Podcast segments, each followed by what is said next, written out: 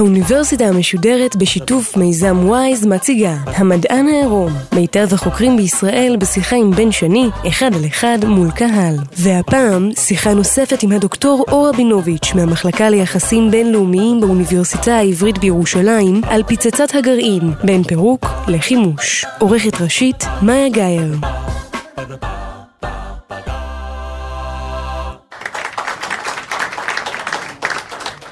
טוב לכם, אנחנו ממשיכים הערב את השיחות שלנו עם הדוקטור אור רבינוביץ' שחוקרת את היסטוריית הגרעין ואת התנהלותן של המדינות החמושות בנשק יום הדין.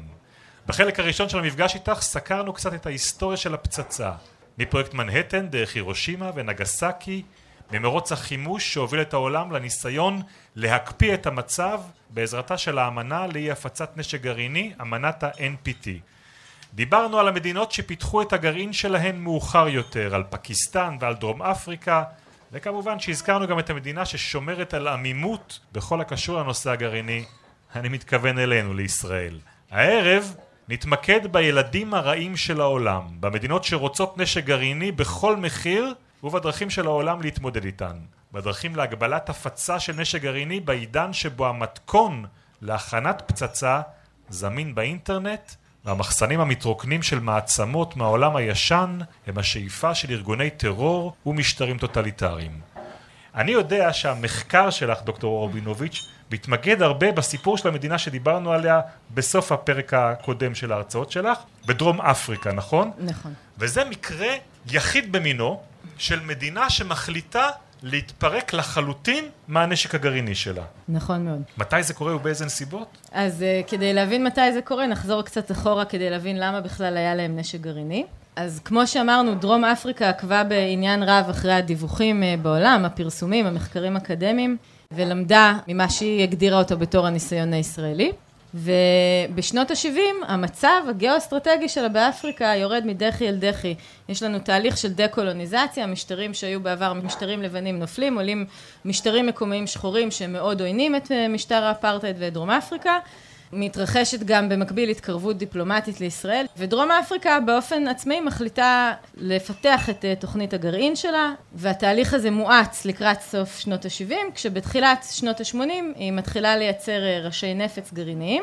במי דרום אפריקה נלחמת שהיא צריכה נשק גרעיני? זו שאלה מצוינת, והשאלה היא האם אתה מקבל את ההסבר הדרום אפריקאי או לא. וההסבר הדרום אפריקאי הוא כזה. הדרום אפריקאים טוענים שהם מעולם לא חשבו להשתמש בפצצה כדי להפציץ אה, יעד, להפציץ עיר, אין להם שום יכולת אה, לאיים על אה, מוסקבה או על ברית המועצות שהייתה האויבת מספר אחת שלהם. ההסבר שלהם מאוד שונה, הם אומרים, אנחנו חשבנו לעשות שימוש בפצצות גרעין כדי איכשהו לסחוט את האמריקאים לבוא לעזרתנו. באיזה הקשר? היה ונהיה בסיטואציה שבהם כוחות פרו-סובייטים פולשים מאנגולה ומאיימים על השלמות הטריטוריאלית שלנו, וצריך להבין שהיו כוחות פרו-סובייטים על גבולות דרום אפריקה והייתה אה, מלחמה שהתנהלה שם כל הזמן. אז באים הדרום אפריקאים ואומרים, אנחנו נגיד לאמריקאים שבכוונתנו לעשות ניסוי, ואם הם לא יאמינו לנו, נזמין אותם לראות שאנחנו באמת עושים ניסוי, והם כל כך ירצו למנוע הסלמה גרעינית, שאין ספק שהם יבואו לעזרתנו וירגיעו את המצב.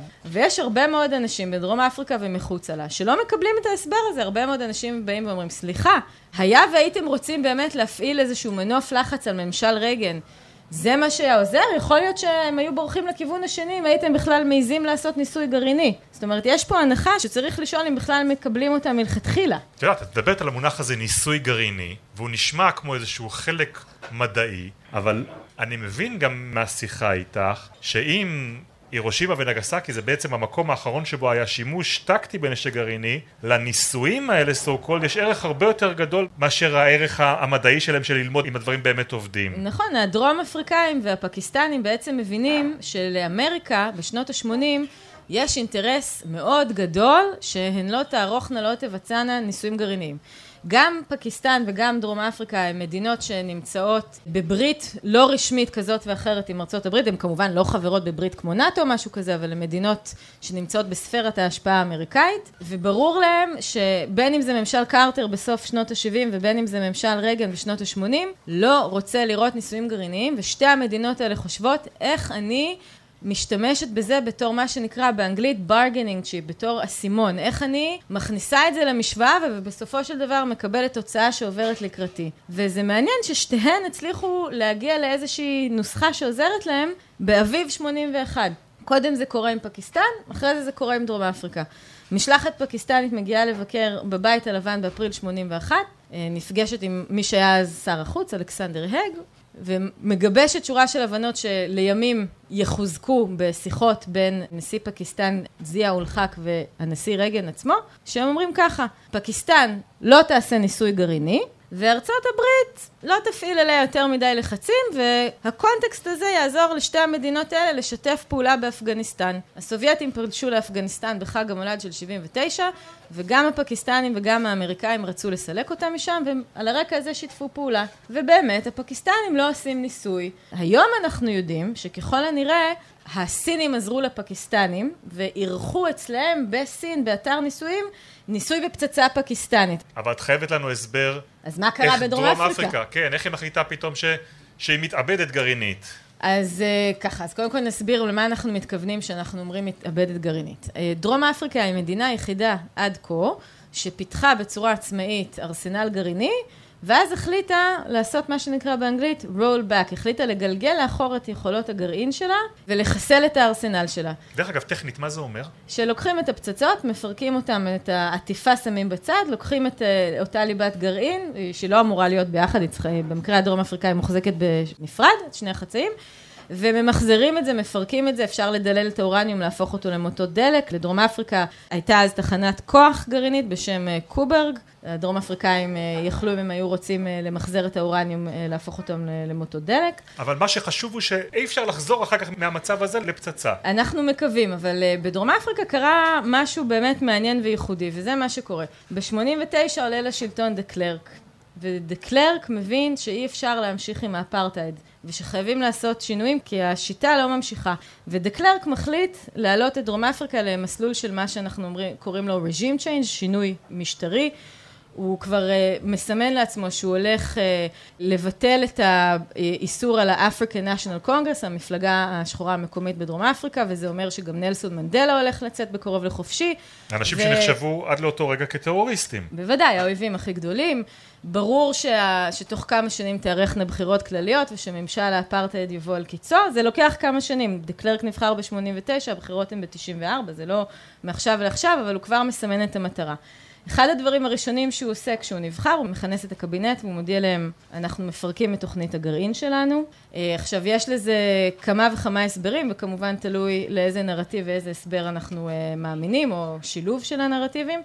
דה קלרק עצמו ואנשים שהיו מעורבים בתוכנית הגרעין הדרום אפריקאית אומרים, היה חשוב שדרום אפריקה תפתח דף חדש, היה להם שש וחצי פצצות גרעין. פצצות הגרעין האלה נועדו להרתיע פלישה של כוחות פרו-סובייטיים, מלחמה קרה נגמרה, הפצצות האלה לא רלוונטיות, דרום אפריקה צריכה לפתוח דף חדש בלי פצצות גרעין, ואכן דר קלרק מורה גם לפרק את פצצות הגרעין וגם להשמיד את כל התיקים והתיעוד שרלוונטיים לפיתוח פצצות גרעין. אוקיי, זה נרטיב אחד, אבל מה הנרטיב הנוסף שאפשר לחשוב? הנרטיב הנוסף, אה, באים חוקרים, אה, דיוויד אולברייט לדוגמה, חוקר מפורסם וחוקרים אחרים, ואומרים, תראו, ה-ANC, אותה מפלגה שייצגה את השחורים, הייתה מפלגה מאוד מאוד פרו-ערבית, מאוד פרו-פלסטינית, הם היו קרובים לאנשים כמו קדאפי ויאסר ערפאת.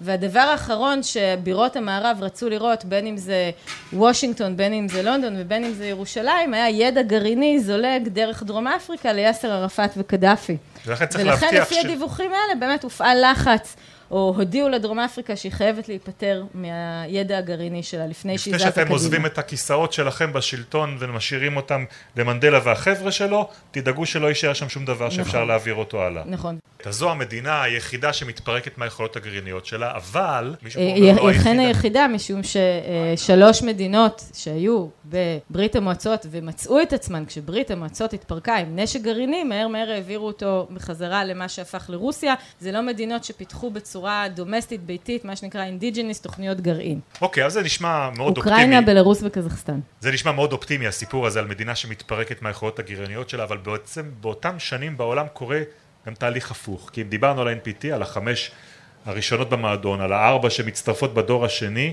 בדור החדש מגיעות מדינות שאנחנו נקרא להם הערב הילדים הרעים של העולם, שמחליטות שהן רוצות יכולת גרעינית למרות שהן בעצמן חתומות על האמנה, נכון? נכון, אז אנחנו אה, מערבבים פה אה, בעצם מדינות אה, גם כאלה שניסו בשנות ה-80, אם זה לדוגמה עיראק, באזור שלנו, במזרח התיכון, וגם מדינות שהתחילו או אה, זירזו את המאמצים שלהם אחרי כבר שהמלחמה הקרה הסתיימה, ואנחנו רואים שיש המון המון התרחשויות במזרח התיכון. אנחנו רואים לדוגמה שסוריה אה, ניסתה לפתח אה, כור גרעיני, אנחנו רואים שקדאפי ניסה לקנות, לא ניסה, הצליח לקנות צנטרפוגות. אנחנו תכף נדבר גם על עיראק ועל הכור בוסיראק. היום אנחנו עוסקים כל הזמן בתוכנית הגרעין האיראנית. יש המון המון התרחשויות במזרח התיכון שישראל בהחלט צריכה לעקוב אחריהן, לדעת מה קורה. מתי צפון קוריאה נכנסת למאמצים האלה? צפון קוריאה, יש לה מאמצים מאוד בוסרים כבר בתחילת המלחמה הקרה. כל פעם מכשירה מדענים, מחפשת לחצוב אורניום, קונה כור אה, מברית המועצות כבר בשנות ה-70, אחרי זה היא קצת מעלה הילוך בשנות ה-80, אבל זה עדיין לגמרי מתחת לרדאר, זה לא, לא דברים שהם עדיין מאוד מאוד מדאיגים. היא מעלה הילוך בשנות ה-90, בתחילת שנות ה-90 היא מצטרפת ל-NPT, אבל היא לא מיישרת קו עם ה-NPT, הפקחים של הסוכנות הבינלאומית לאנרגיה אטומית שאמורים לוודא שצפון קוריאה בעצם מתנהגת כמו שהיא אמורה להתנהג, בודקים את האורניום של צפון קוריאה ואומרים רגע חסר פה פלוטוניום, זאת אומרת ברור שהיא נמצאת בהפרה, שהיא לא באמת באמת אומרת מה היא עושה. במילניום החדש, כבר ב-2003, צפון קוריאה יוצאת מהאמנה, ומאז היא לא מתנהגת כאילו כללי האמנה חלים עליה, למרות שהרבה מדינות בעולם אומרות, אנחנו לא מקבלות את זה שיצאת מהאמנה מבחינתנו, האמנה עדיין חלה עלייך. אוקיי, מה כל כך קשה לעצור מדינה שרוצה להתגרען? מה הדרך לעצור מדינה שרוצה להתגרען? קודם כל, אני חושבת שצריך להבהיר שמדינה שנחושה להתגרען ומוכנה לשלם את המחיר שכרוך בהתגרענות, תצליח. אבל אפשר גם uh, להתערב באמצע. יש ספקטרום של פעולות שאפשר לעשות. אז uh, אם בקצה אחד אנחנו מדברים על לחצים דיפלומטיים וסנקציות ודברים שקשורים uh, לדיפלומטיה רכה או קשה בזירה הבינלאומית, בתווך אנחנו מדברים על uh, מבצעים של uh, ארגוני uh, ביון שרוצים uh, להאט uh, תוכנית גרעין, יכול להיות התנגשות במדענים, זה יכול להיות uh, ליבה של כור שצרפת מוכרת לעיראק ועוברת חבלה כשהיא יושבת בנמל בצרפת. זה סיפור שקרה. בהחלט. יש שורה שלמה של מהלכים אה, במה שנקרא מלחמות הצללים. ובסוף של הספקטרום הזה יכולה להיות התקפה. מדינה יכולה להחליט שהיא תוקפת כור. כולנו מכירים את הסיפור כמובן על תקיפת הכור הישראלית בעיראק. היא היחידה שמצליחה? היא הראשונה שמצליחה, אבל היא לא התקיפה הראשונה על הכור באוסיראק. במסגרת מלחמת איראן-עיראק מטוסים של חיל האוויר האיראני תוקפים את אותו כור כבר בספטמבר 80. הם לא מצליחים אה, לפגוע בו בצורה אפקטיבית, אה, ולמרבה החרדה של גורמים בישראל, מה שקורה זה שהעיראקים מגדילים את טבעת ההגנה סביב הכור, מציבים מערכות אה, הגנה מפני מטוסים, אז מבחינת ישראל זה דווקא מסבך את העניינים. אחרי זה העיראקים גומלים לאיראנים, והם תוקפים את הכור שאיראן מנסה לבנות בבושר שבע פעמים בחמש שנים. בהתחלה הפגיעות לא טובות, לקראת סוף המלחמה הם כבר ממש מצליחים לפגוע בצורה אפקטיבית בכור וממש אה, להפוך אותו לתעילי חורבות. גם הכור הזה שוקם ושופץ והיום הוא הכור היחיד האזרחי שפועל במזרח התיכון ומייצר חשמל. אם כי איחוד האמירויות גם עומדים אה, אה, לחבר כור אזרחי משלהם. כמה הן אפקטיביות התקיפות האלה מהאוויר? זה לא שיש לנו דגימה מאוד רחבה לבדוק, אבל uh, בהחלט אפשר uh, לנסות uh, ללמוד כמה לקחים. ציינו את אותו כור בבושר שהעיראקים תקפו כמה פעמים ולקח להם זמן עד שהם הגיעו לתקיפות. אנחנו יודעים שהכור uh, בסוריה, בדיר א-זור, הותקף והושמד ב-2007, ובעולם uh, התפרסמו גם ביוגרפיות של מנהיגים וגם דיווחי עיתונות שהתייחסות את זה, כן, לישראל. ישראל רשמית לא, לא התייחסה לזה. ישראל הרשמית כן התייחסה למבצע של הפגזת הכור באוסיראק, בגין לקח על זה אחריות תוך כמה ימים, זה לא uh, סוד, זה נחשב למבצע מאוד מאוד אפקטיבי, אבל פה צריך לחדד משהו. מבחינת ישראל, ההתקפה הזאת הייתה כלי אחד בארגז הכלים שהיו למקבלי ההחלטות הישראלים. זה לא הכלי הראשון שהשתמשו בו, וגם לא ייחסו לכלי הזה יכולות קסמים. למה הכוונה? ההערכה הריאלית הייתה שההתקפה באוסיראק תעכב את תוכנית הגרעין העיראקית בשלוש עד חמש שנים. לא ציפו שזה יפתור לנצח את הבעיה, או שזה יגרום לכך שלסדאם חוסיין לעולם לא תהיה יותר מוטיבציה להתגרען. מה שקרה בפועל הוא שבאמת הכור הושמד, סדאם חוסיין החליט להגדיל משמעותית את המאמצים, את הכסף, את התקציבים, את מספר המדענים שהועסקו בתוכנית הגרעין העיראקית, ותוכנית הגרעין גם ירדה מתחת לפני הקרקע, במקום שיהיה אתר אחד שיחסית קל לפגוע בו, היו הרבה מאוד אתרים, הרבה מאוד תוכניות, והמודיעין עליהם היה מאוד מוגבל, ובעצם ב-91, כשמתרחשת מלחמת המפרץ הראשונה, מגלים בדיעבד שהייתה פה תוכנית גרעין סודית, שכמעט הגיעה להבשלה. ואת הלקח הזה גם כן מפנימה השכנה של עיראק איראן, כשהיא מחליטה שהיא רוצה בעצמה לפתח uh, תוכנית גרעין, והיא עושה את זה בדיוק באותה צורה. היא עושה את זה במובן מסוים באותה צורה, ובמובן מסוים בצורה שהיא אפילו יותר משוכללת, ואגב, גם צפון קוריאה מפזרת את האתרים הגרעיניים שלה, ומוודא שאי אפשר יהיה לה בתקיפה אחת לחסל את כל אתרי הגרעין שלה, וגם איראן היא מדינה שהתשתית הגרעינית שלה מפוזרת בכמה אתרים. כשאיראן מחליטה מאוד... להתגרען, על איזה מהאופציות היא הולכת? אז קודם כל אין החלטה רשמית של איראן להתגרען, אני, אנחנו נסביר שכשאנחנו אומרים להתגרען, הכוונה היא החלטה פוליטית של הדרג המדיני לפתח נשק גרעיני.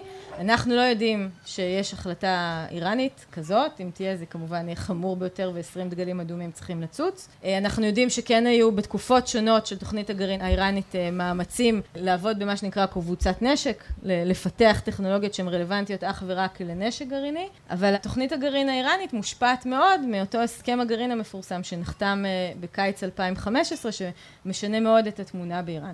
עכשיו, מבחינת האיראנים, התירוץ הרשמי שלהם לתוכנית הגרעין שלהם היא לכאורה הרצון שלהם להיות uh, עצמאים בתחום הגרעין ולהיות מסוגלים לבנות בעתיד uh, תשתית של כורים אזרחיים וכולי. שזה נמצא לחלוטין בחוסר הלימה עם הפעולות שהם עושים בשטח. אין סיבה שמדינה כמו אה, איראן, שיש לה כור אחד, אה, תפתח כזאת תשתית, אבל זה, זה הנרטיב הרשמי. והיא הולכת על האופציה של פלוטוניום או של אורניום? אז אה, עד להסכם הגרעין, איראן בעצם התפתחה בשני המסלולים. היא בנתה כור בעראק, שהיה לו פוטנציאל, אם היו מפעילים אותו, להפיק פלוטוניום, ואני מזכירה, מה זה הפלוטוניום הזה? הפלוטוניום זה תוצר לוואי שמתרחש כשמפעילים כור גרעיני ומקרינים אותות של אה, אורניום בגלים של ניוטרונים, ואז אחד מתוצרי הלוואי הוא פלוטוניום, ובדרכים מסוימות אפשר להפיק אותו. זאת אומרת שהיכולת הטקטית של הפלוטוניום היא הרבה יותר יעילה, כי אפשר לשים אותה בראשים קטנים. יותר קל לשים אותו באמת אה, בטיל, יותר כן. קטן. אבל uh, הסכם הגרעין עם איראן בעצם uh, סותם את הגולל על המסלול הזה, ליבת הכור, uh, חלק מהתנאים של ההסכם היא שהיא עוברת מה שנקרא ריקונפיגורציה, בפועל פשוט הורסים אותה. הכור הזה לא יכול לייצר פלוטונים בכמויות רציניות, המסלול הזה נסגר. הכור הזה משותק. לצורך הפקת פלוטונים, כן, בהחלט. הם יכולים בעתיד לנסות לעשות בו מחקרים ודברים אחרים. המסלול שמטריד את ישראל הוא מסלול האורניום. ואני מזכירה לנו שכדי לייצר פצצת אורניום אתה צריך להעשיר אורניום לרמה מסוימת, רמה של כ-90 אחוז, אתה לא צריך כור בשביל זה. ולכן זה בין היתר אחת הסיבות שישראל מאוד מוטרדת, כי לאיראן יש לא מעט צנטרפוגות, ואין איזה חסם טכנולוגי אה, רציני שימנע ממדינה שיש לה צנטרפוגות ויש לה אורניום לייצר פצצת גרעין. הפצצה הזאת יכולה להיות מאוד פשוטה. גם הפצצה שהוטלה על הירושימה הייתה פצצה פשוטה מאוד, והיא עדיין מחקה עיר שלמה. בלי שהטכנולוגיה אפילו הייתה מפותחת ומתקדמת. קודם כל, מה ההסכם לא עושה? הוא לא אומר לאיראן אסור לך להשאיר אורניום. הוא לא אומר לאיראן אסור שתהיה לך אפילו צנטרפוגה אחת. הוא אומר לה, מותר לך להשאיר אורניום תחת מגבלות, ורק בצנטרפוגות מאוד ישנות. אז תחשבו על אה, משהו די מתפרק כזה משנות ה-70, שהוא לא מאוד יעיל. זה הטכנולוגיה שמותר לאיראן להחזיק. מותר לה להחזיק קצת יותר מ-5,000 צנטרפוגות בצורה פעילה. מותר לה להחזיק 300 קילוגרם של אורניום מועשר. האורניום הזה יכול להיות לרמת העשרה של עד 3.67 וזהו. אבל ההגבלות שנמצאות בהסכם הן הגבלות זמניות. מה ההסכם הזה בעצם אומר? ההסכם אומר, איראן יקרה, את תקבלי על עצמך מגבלות בתחום הגרעין, ואני אסיר את הסנקציות בצורה מדורגת, את הסנקציות שהטלנו עלייך. אבל המגבלות האלה, יש להן תאריך תפוגה, חלקן פגות אחרי שמונה שנים, חלקם אחרי עשר, חלקם אחרי חמש עשרה. מיום uh, תחילת ההסכם כבר עברה שנה וחצי, אז צריך להוריד שנה וחצי מהשנים שמנינו פה. והחשש הישראלי הוא שכשהשמש תשקע על הסעיפים האלה, וככה קוראים לזה באנגלית, the sunset clause, כי הסעיף הזה, מתישהו השמש תשקע עליו, לא יהיו מגבלות על תוכנית הגרעין האיראנית, והיא תוכל אה, להתקין צנטרפוגות שהן מתקדמות יותר, והיא תוכל לעשות אה, את כל הפעולות שהיא תרצה בתחום האורניום, ואת ישראל זה מאוד מדאיג. מצד שני, גם כשדיברנו על אוסיראק, דיברנו על זה שההנהגה הישראלית ציפתה לעיכוב של שלוש עד חמש שנים. זאת הייתה הציפייה מבחינת האפקטיביות של התקיפה. אז באים אנשים ואומרים, אוקיי, פה היה עיכוב של שלוש עד חמש שנים, פה אני מקבל עיכוב של נגיד בין עשר לחמש עשרה. נשמע כמשהו שאולי... אה, נשמע שאת משוכנעת. ההסכם הוא רחוק מלהיות מושלם, ויכול היה להיות יותר טוב, אבל אני חושבת שבהינתן הנסיבות, הוא בסך הכל משרת את האינטרסים של ישראל, וזה לא אומר שצריך להיכנס לשאננות. אין ספק שכשהשמש תשקע על אותם סעיפים שציינו, ישראל צריכה גם להיות במצב שיש לה יכולות מודיעיניות מספיק מפותחות כדי לדעת מה קורה באיראן, ודבר שני, ישראל צריכה להיות במצב שיש לה בנות ברית שמוכנות לעזור לה. היה וצריך להתערב, היה וצריך לרסן. על צפון קוריאה עוד לא דיברנו. ואם אצל איראן, אנחנו במצב שאין להם עדיין פצצה, לצפון קוריאנים אנחנו כבר יודעים שיש כמה? מעריכים שיש להם כ-60 פצצות. זו הערכה יחסית חדשה. אין לה אישור, יכול להיות שאין להם, אבל uh, הערכה... מה. אפשר לעשות? או, שאלה מצוינת. Uh, לדעתי, וקטונתי מלהתווכח uh, גם עם שאר החוקרים בתחום, אין, אין מישהו שחושב שיש איזשהו פתרון קסם, שאפשר לשכנע את צפון קוריאה להתפרק מהנשק שלה. ברור לחלוטין שקים ז'ונג און מעוניין בנשק הזה כדי להבטיח את שרידות הממשל שלו, ואף אחד לא הצליח אה, לחשוב עד עכשיו על איזשהו מין פתרון קסם שיגרום לאותו קים ז'ונג און לוותר על תוכנית הגרעין. יכול להיות שאם הציפייה הצפון קוריאנית תתממש ותהיה לגיטימציה בינלאומית מסוימת לתוכנית הגרעין הצפון קוריאנית, אז הם יסכימו לקבל על עצמם מגבלות, נגיד בפריסת הטילים, בכמה ראשי נפץ יש להם וכדומה, אה, אבל כרגע אין פתרון למה בדיוק עושים עם צפון קוריאה. את יודעת, זה מביא אותנו לחלק האחרון שאני רוצה לדבר עליו, וזה העניין הפרסונלי, של מי שבסופו של דבר יושב ומחליט. כי אנחנו עדים בשבועות האחרונים להתחממות הזאת בין צפון קוריאה לבין ארה"ב סביב הנושא הגרעיני. ודיברת אה, בפרק הקודם על ההחלטות שטרומן קיבל אחרי ההפצצות בירושימה ונגסקי להביא את ההחלטה על הטלת פצצה אל הנשיא. מה בעצם הטכניקה שבה נשיא ארה"ב מחליט לשגר פצצת אטום לעבר צפון קוריאה לדוגמה. אז uh, בארצות הברית אנחנו מכירים את התמונות של uh, קצין uh, אמריקאי שהולך עם מזוודה מאחורי הנשיא, למזוודה הזאת קוראים The Nuclear Football. היא מכילה מחשב, אנחנו לא בדיוק יודעים איך נראה המחשב הזה ומה יש בו, אנחנו יודעים שזה מחשב שאם מקישים לתוכו את הקודים הרלוונטיים, הוא יכול להורות על שיגור טילים גרעיניים. הקודים האלה נמצאים במין התקן שאין תמונה שלו באינטרנט, אני חיפשתי, לא מצאתי תמונה גלויה שלו. כנראה משהו שנראה כמו כרטיס אשראי, שנקרא הביסקוויט הגרעיני, ו nuclear biscuit, ושם נמצאים הקודים שבעצם אומרים נותן הפקודה הזאת הוא הנשיא האמריקאי, הפקודה היא אותנטית, אנא תבצעו אותה. אבל אני מניח שלפני שמוצאים את הביסקוויט הזה אמרת, ולצורך העניין אם זה טראמפ, צריך לעבור איזשהו מנגנון כדי לאשר את ה... אז קודם ה... כל, בהנחה שהוא מוצא את הביסקוויט הזה ושהוא לא שלח אותו לניקוי יבש כמו הנשיא קרטר. מה זאת אומרת? הנשיא קרטר איבד אותו לכמה זמן כי הוא שלח אותו בחליפה לניקוי יבש. אוקיי. גם קלינטון איבד אותו, כנראה לכמה חודשים, לא ברור בדיוק לאיזה תקופה הוא איבד אותו. אז קודם כל בוא נצא מתוך נקודת הנחה שהנשיא האמור לא שלח אותו כן. לניקוי יבש. כל אסטרטגיית הגרעין האמריקאית בנויה על ההנחה שהנשיא ורק הנשיא יכול להחליט על שיגור כלי נשק גרעיניים. הוא יכול להתייעץ עם הצוות שלו, הוא לא חייב להתייעץ עם הצוות שלו, ולאף אחד אה, בבית הלבן אין סמכות להתערב בקבלת ההחלטות. האסטרטגיה האמריקאית בנויה על זה שארצות הברית תוכל להגיב ברגע שהיא קולטת איום גרעיני ולפני שהיא סופגת אותו. חלק מהרציונל פה הוא החשש שבהנחה ואמריקה ספגה, ארצות הברית ספגה מכה ראשונה, מערכות השליטה והבקרה יזוקו ואי אפשר יהיה להורות על אה, תקיפה שנייה או על תגובה. קוראים לזה מערכות command and control. אז כל המערכת בנויה לאפשר לנשיא להגיב עוד לפני שספגת את המכה, זה בעניין של דקות. וגם נמצאים מאות טילים, מאות ראשי קרב גרעיניים נמצאים בכוננות שמאפשרת לשגר אותם בתוך דקות, זאת אומרת שהם לא יושבים באיזה מחסן למעלה, כל הזמן, והנשיא יכול... את אומרת מאות, תסבר לנו את האוזן. לארצות הברית יש כ-4,500 אה, ראשי קרב שבמצב שאומר, שאו שהם בכוננות מלאה או שאפשר לפרוס אותם בטווח זמן קצר, ועוד כמה אלפי טילים שנמצאים בדרך לפירוק, ולא אמורים להיות במחסן, אבל בתכלס אפשר יהיה לגשת אליהם במקרה הצורך, למרות שקשה לדמיין סיטואציה ש-4,500 הראשונים לא יספיקו. כן. בתקופת הנשיא ג'ונסון רצו לקבוע מין סף שרירותי כזה של מהי אה, מכה שתבטיח את השמדת ברית המועצות? החליטו היכולת לשגר 400 מגטון. זה השמדה מובטחת. עכשיו, נשאלת השאלה, 399 לא, לא ישמידו? ברור שכן, הרי כל הקווים פה הם שרירותיים לגמרי. ובמקרה של טראמפ, אף אחד לא מדמיין בכלל סיטואציה שבה הוא יחליט להורות על שיגור כזה, אבל צריך להבין שזה בסמכותו. אף אחד לא מדמיין? אה, או שיותר מדי אנשים מדמיינים וחוששים. אנחנו שומעים את הנאומים האחרונים וחוששים. לא, תראה, ג'יימס קלאפר, בכיר אמריקאי שהיה בראש סוכנות המודיעין האמריקאית בתקופת אובמה, הלך בשבוע שעבר ל-CNN ואמר, אני מפחד, אני מפחד מזה שלטראמפ יש את הקודים הגרעיניים. האיש הזה לא שקול בעיניי. התקווה היא, או ההנחה היא, שלא יישמו לכאורה, אבל ברור שזה זה ממש לא מעודד אף אחד, ואם מספיק אנשים יתפטרו, תמצא את הבן אדם שיסכים ללחוץ על הכפתור, וזה ממש לא צריך uh, לשלוח uh, אף אחד uh, לישון בשקט בלילה. דוקטור אור בינוביץ', לקראת סיום, יש לנו סבב מהיר של שאלות, התשובות עליהן צריכות להיות קצרצרות. אם היית מקבלת מחר אפשרות לשבת לשיחה בארבע עיניים עם נשיא ארצות הברית דונלד טראמפ, לשאול אותו שאלה אחת, מה היית שואלת אותו? למה אתה לא מתפטר? ובעניין שאנחנו עוסקים בו?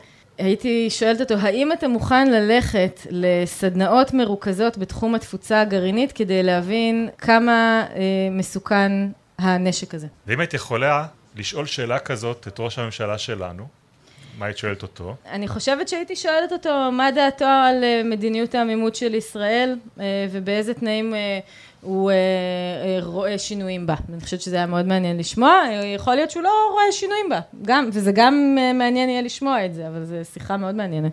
אם אני לך למטרת מחקר אקדמי, דלת פתוחה אל ראשי תוכנית הגרעין של מדינה אחת, את מי היית רוצה לראיין? ישראל. תראה, אני יושב מולך בערב הזה, ואני חושב על זה שדיברנו מלא על גברים כל הערב, על איזה אישה אנחנו יכולים לדבר כשאנחנו מדברים על הנושא הזה של גרעין? גולדה מאיר. באמת אה, לא הצלחנו להיכנס לזה. היא אה, ראשת הממשלה שאמונה על אה, גיבוש הסכם מול ממשל ניקסון בתחום הזה. רבין בספר שלו פנקס שירות מתאר את זה, הוא אומר, נפגשנו עם ממשל ניקסון, הגענו איתם ל... הוא היה אז שגריר. הוא היה אז שגריר. לפי מקורות זרים, בפגישה בספטמבר 69 בין גולדה מאיר לריצ'רד ניקסון, השניים אה, הגיעו להסכם שבעצם גיבש את מדיניות עמימות הגרעין הישראלית, וההסכם הזה, לפי מה שאנחנו מעריכים, היה כדלקמן. אה, ישראל התחייבה שהיא לא תבצע ניסוי גרעיני או תכריז בצורה פומבית על יכולות הגרעין שלה, וארצות הברית מצידה תוריד את הנושא הזה מהשולחן הבילטרלי, תפסיק ללחוץ על ישראל להצטרף ל-NPT, והנושא ייעלם. עכשיו, וממה שאנחנו יודעים, כל נשיא אמריקאי שנכנס לתפקידו, אישר, גיבש, מימש ועמד מאחורי ההבנה הזאת, למרות שהיא לא פורמלית. שאלה אחרונה הערב, ארה"ב הייתה המדינה הראשונה והאחרונה שהשתמשה בנשק גרעיני. ממי את הכי חוששת שתעשה את השימוש בפעם הבאה? ארצות הברית. אני לא אומרת את זה עם טיפת צחוק. אני אה, חוששת שאנחנו נמצאים במצב מול צפון קוריאה שבו האצבע מאוד קלה על ההדק, ולמרות ששני המנהיגים לא רוצים להיכנס להסלמה גרעינית, לאסקלציה גרעינית, עלול להתרחש מצב ש... מיסקלקולציה של חישוב לא נכון, ובו ארצות הברית לדוגמה תראה את צפון קוריאה מזיזה משגר טילים נייד ממקום א' למקום ב', יכול להיות שהיה פאנצ'ר או שיש הצפה בבסיס ובגלל זה הזיזו אותו, אבל היא תפרש את זה כהכנות צפון קוריאניות לשיגור ותחליט אה, להנחית מכה ראשונה. כדוגמה, כתסריט ש... שהוא לא בלתי סביר. זאת אומרת, ברור לחלוטין לכולנו שיש אנשים בארצות הברית שאמונים על לבדוק האם צפון קוריאה העבירה את הכוחות שלה לכוננות או לא. טוב, מה אני אגיד? אנחנו התחלנו את המפגשים איתך ואמרנו שאנחנו הולכים לסיים את העונה שלנו בנימה קצת קודרת, אז הנה בדיוק עכשיו זה הגיע, אבל זו הייתה שיחה מרתקת. תודה רבה רבה לך עליה דוקטור אור רבינוביץ'. אנחנו מסיימים הערב את הסמסטר הזה של המדען העירום, החמישי במספר, עסקנו בו בביג דאטה, בלוחמת סייבר, במסע אל הירח ובנהיגת גשושיות על מאדים. דיברנו על אפליה ומשפט, על התחממות גלובלית ועל נשק גרעיני. את כל ההרצאות שלנו מהעונה הזו ומהעונות הקודמות ניתן למצוא באתר ובאפליקציה של גלי צה"ל או באפליקציות הפודקאסטים המובילות. זו הזדמנות נהדרת להודות לעורכת הראשית שלנו, למאיה גייר, למפיקים ועורכי התחקירים אביגיל קוש ונחום וולברג, לצוות הטכני של גלי צה"ל שמקליט אותנו בכל מקום, לקהל שמגיע למפגשים האלה בברים בכל הארץ ולכם המאזינים. אנחנו יוצאים לחופשה, נשוב אחריה עם סמסטר חדש, הרבה עניין וגם בירה, ועד אז, לילה טוב.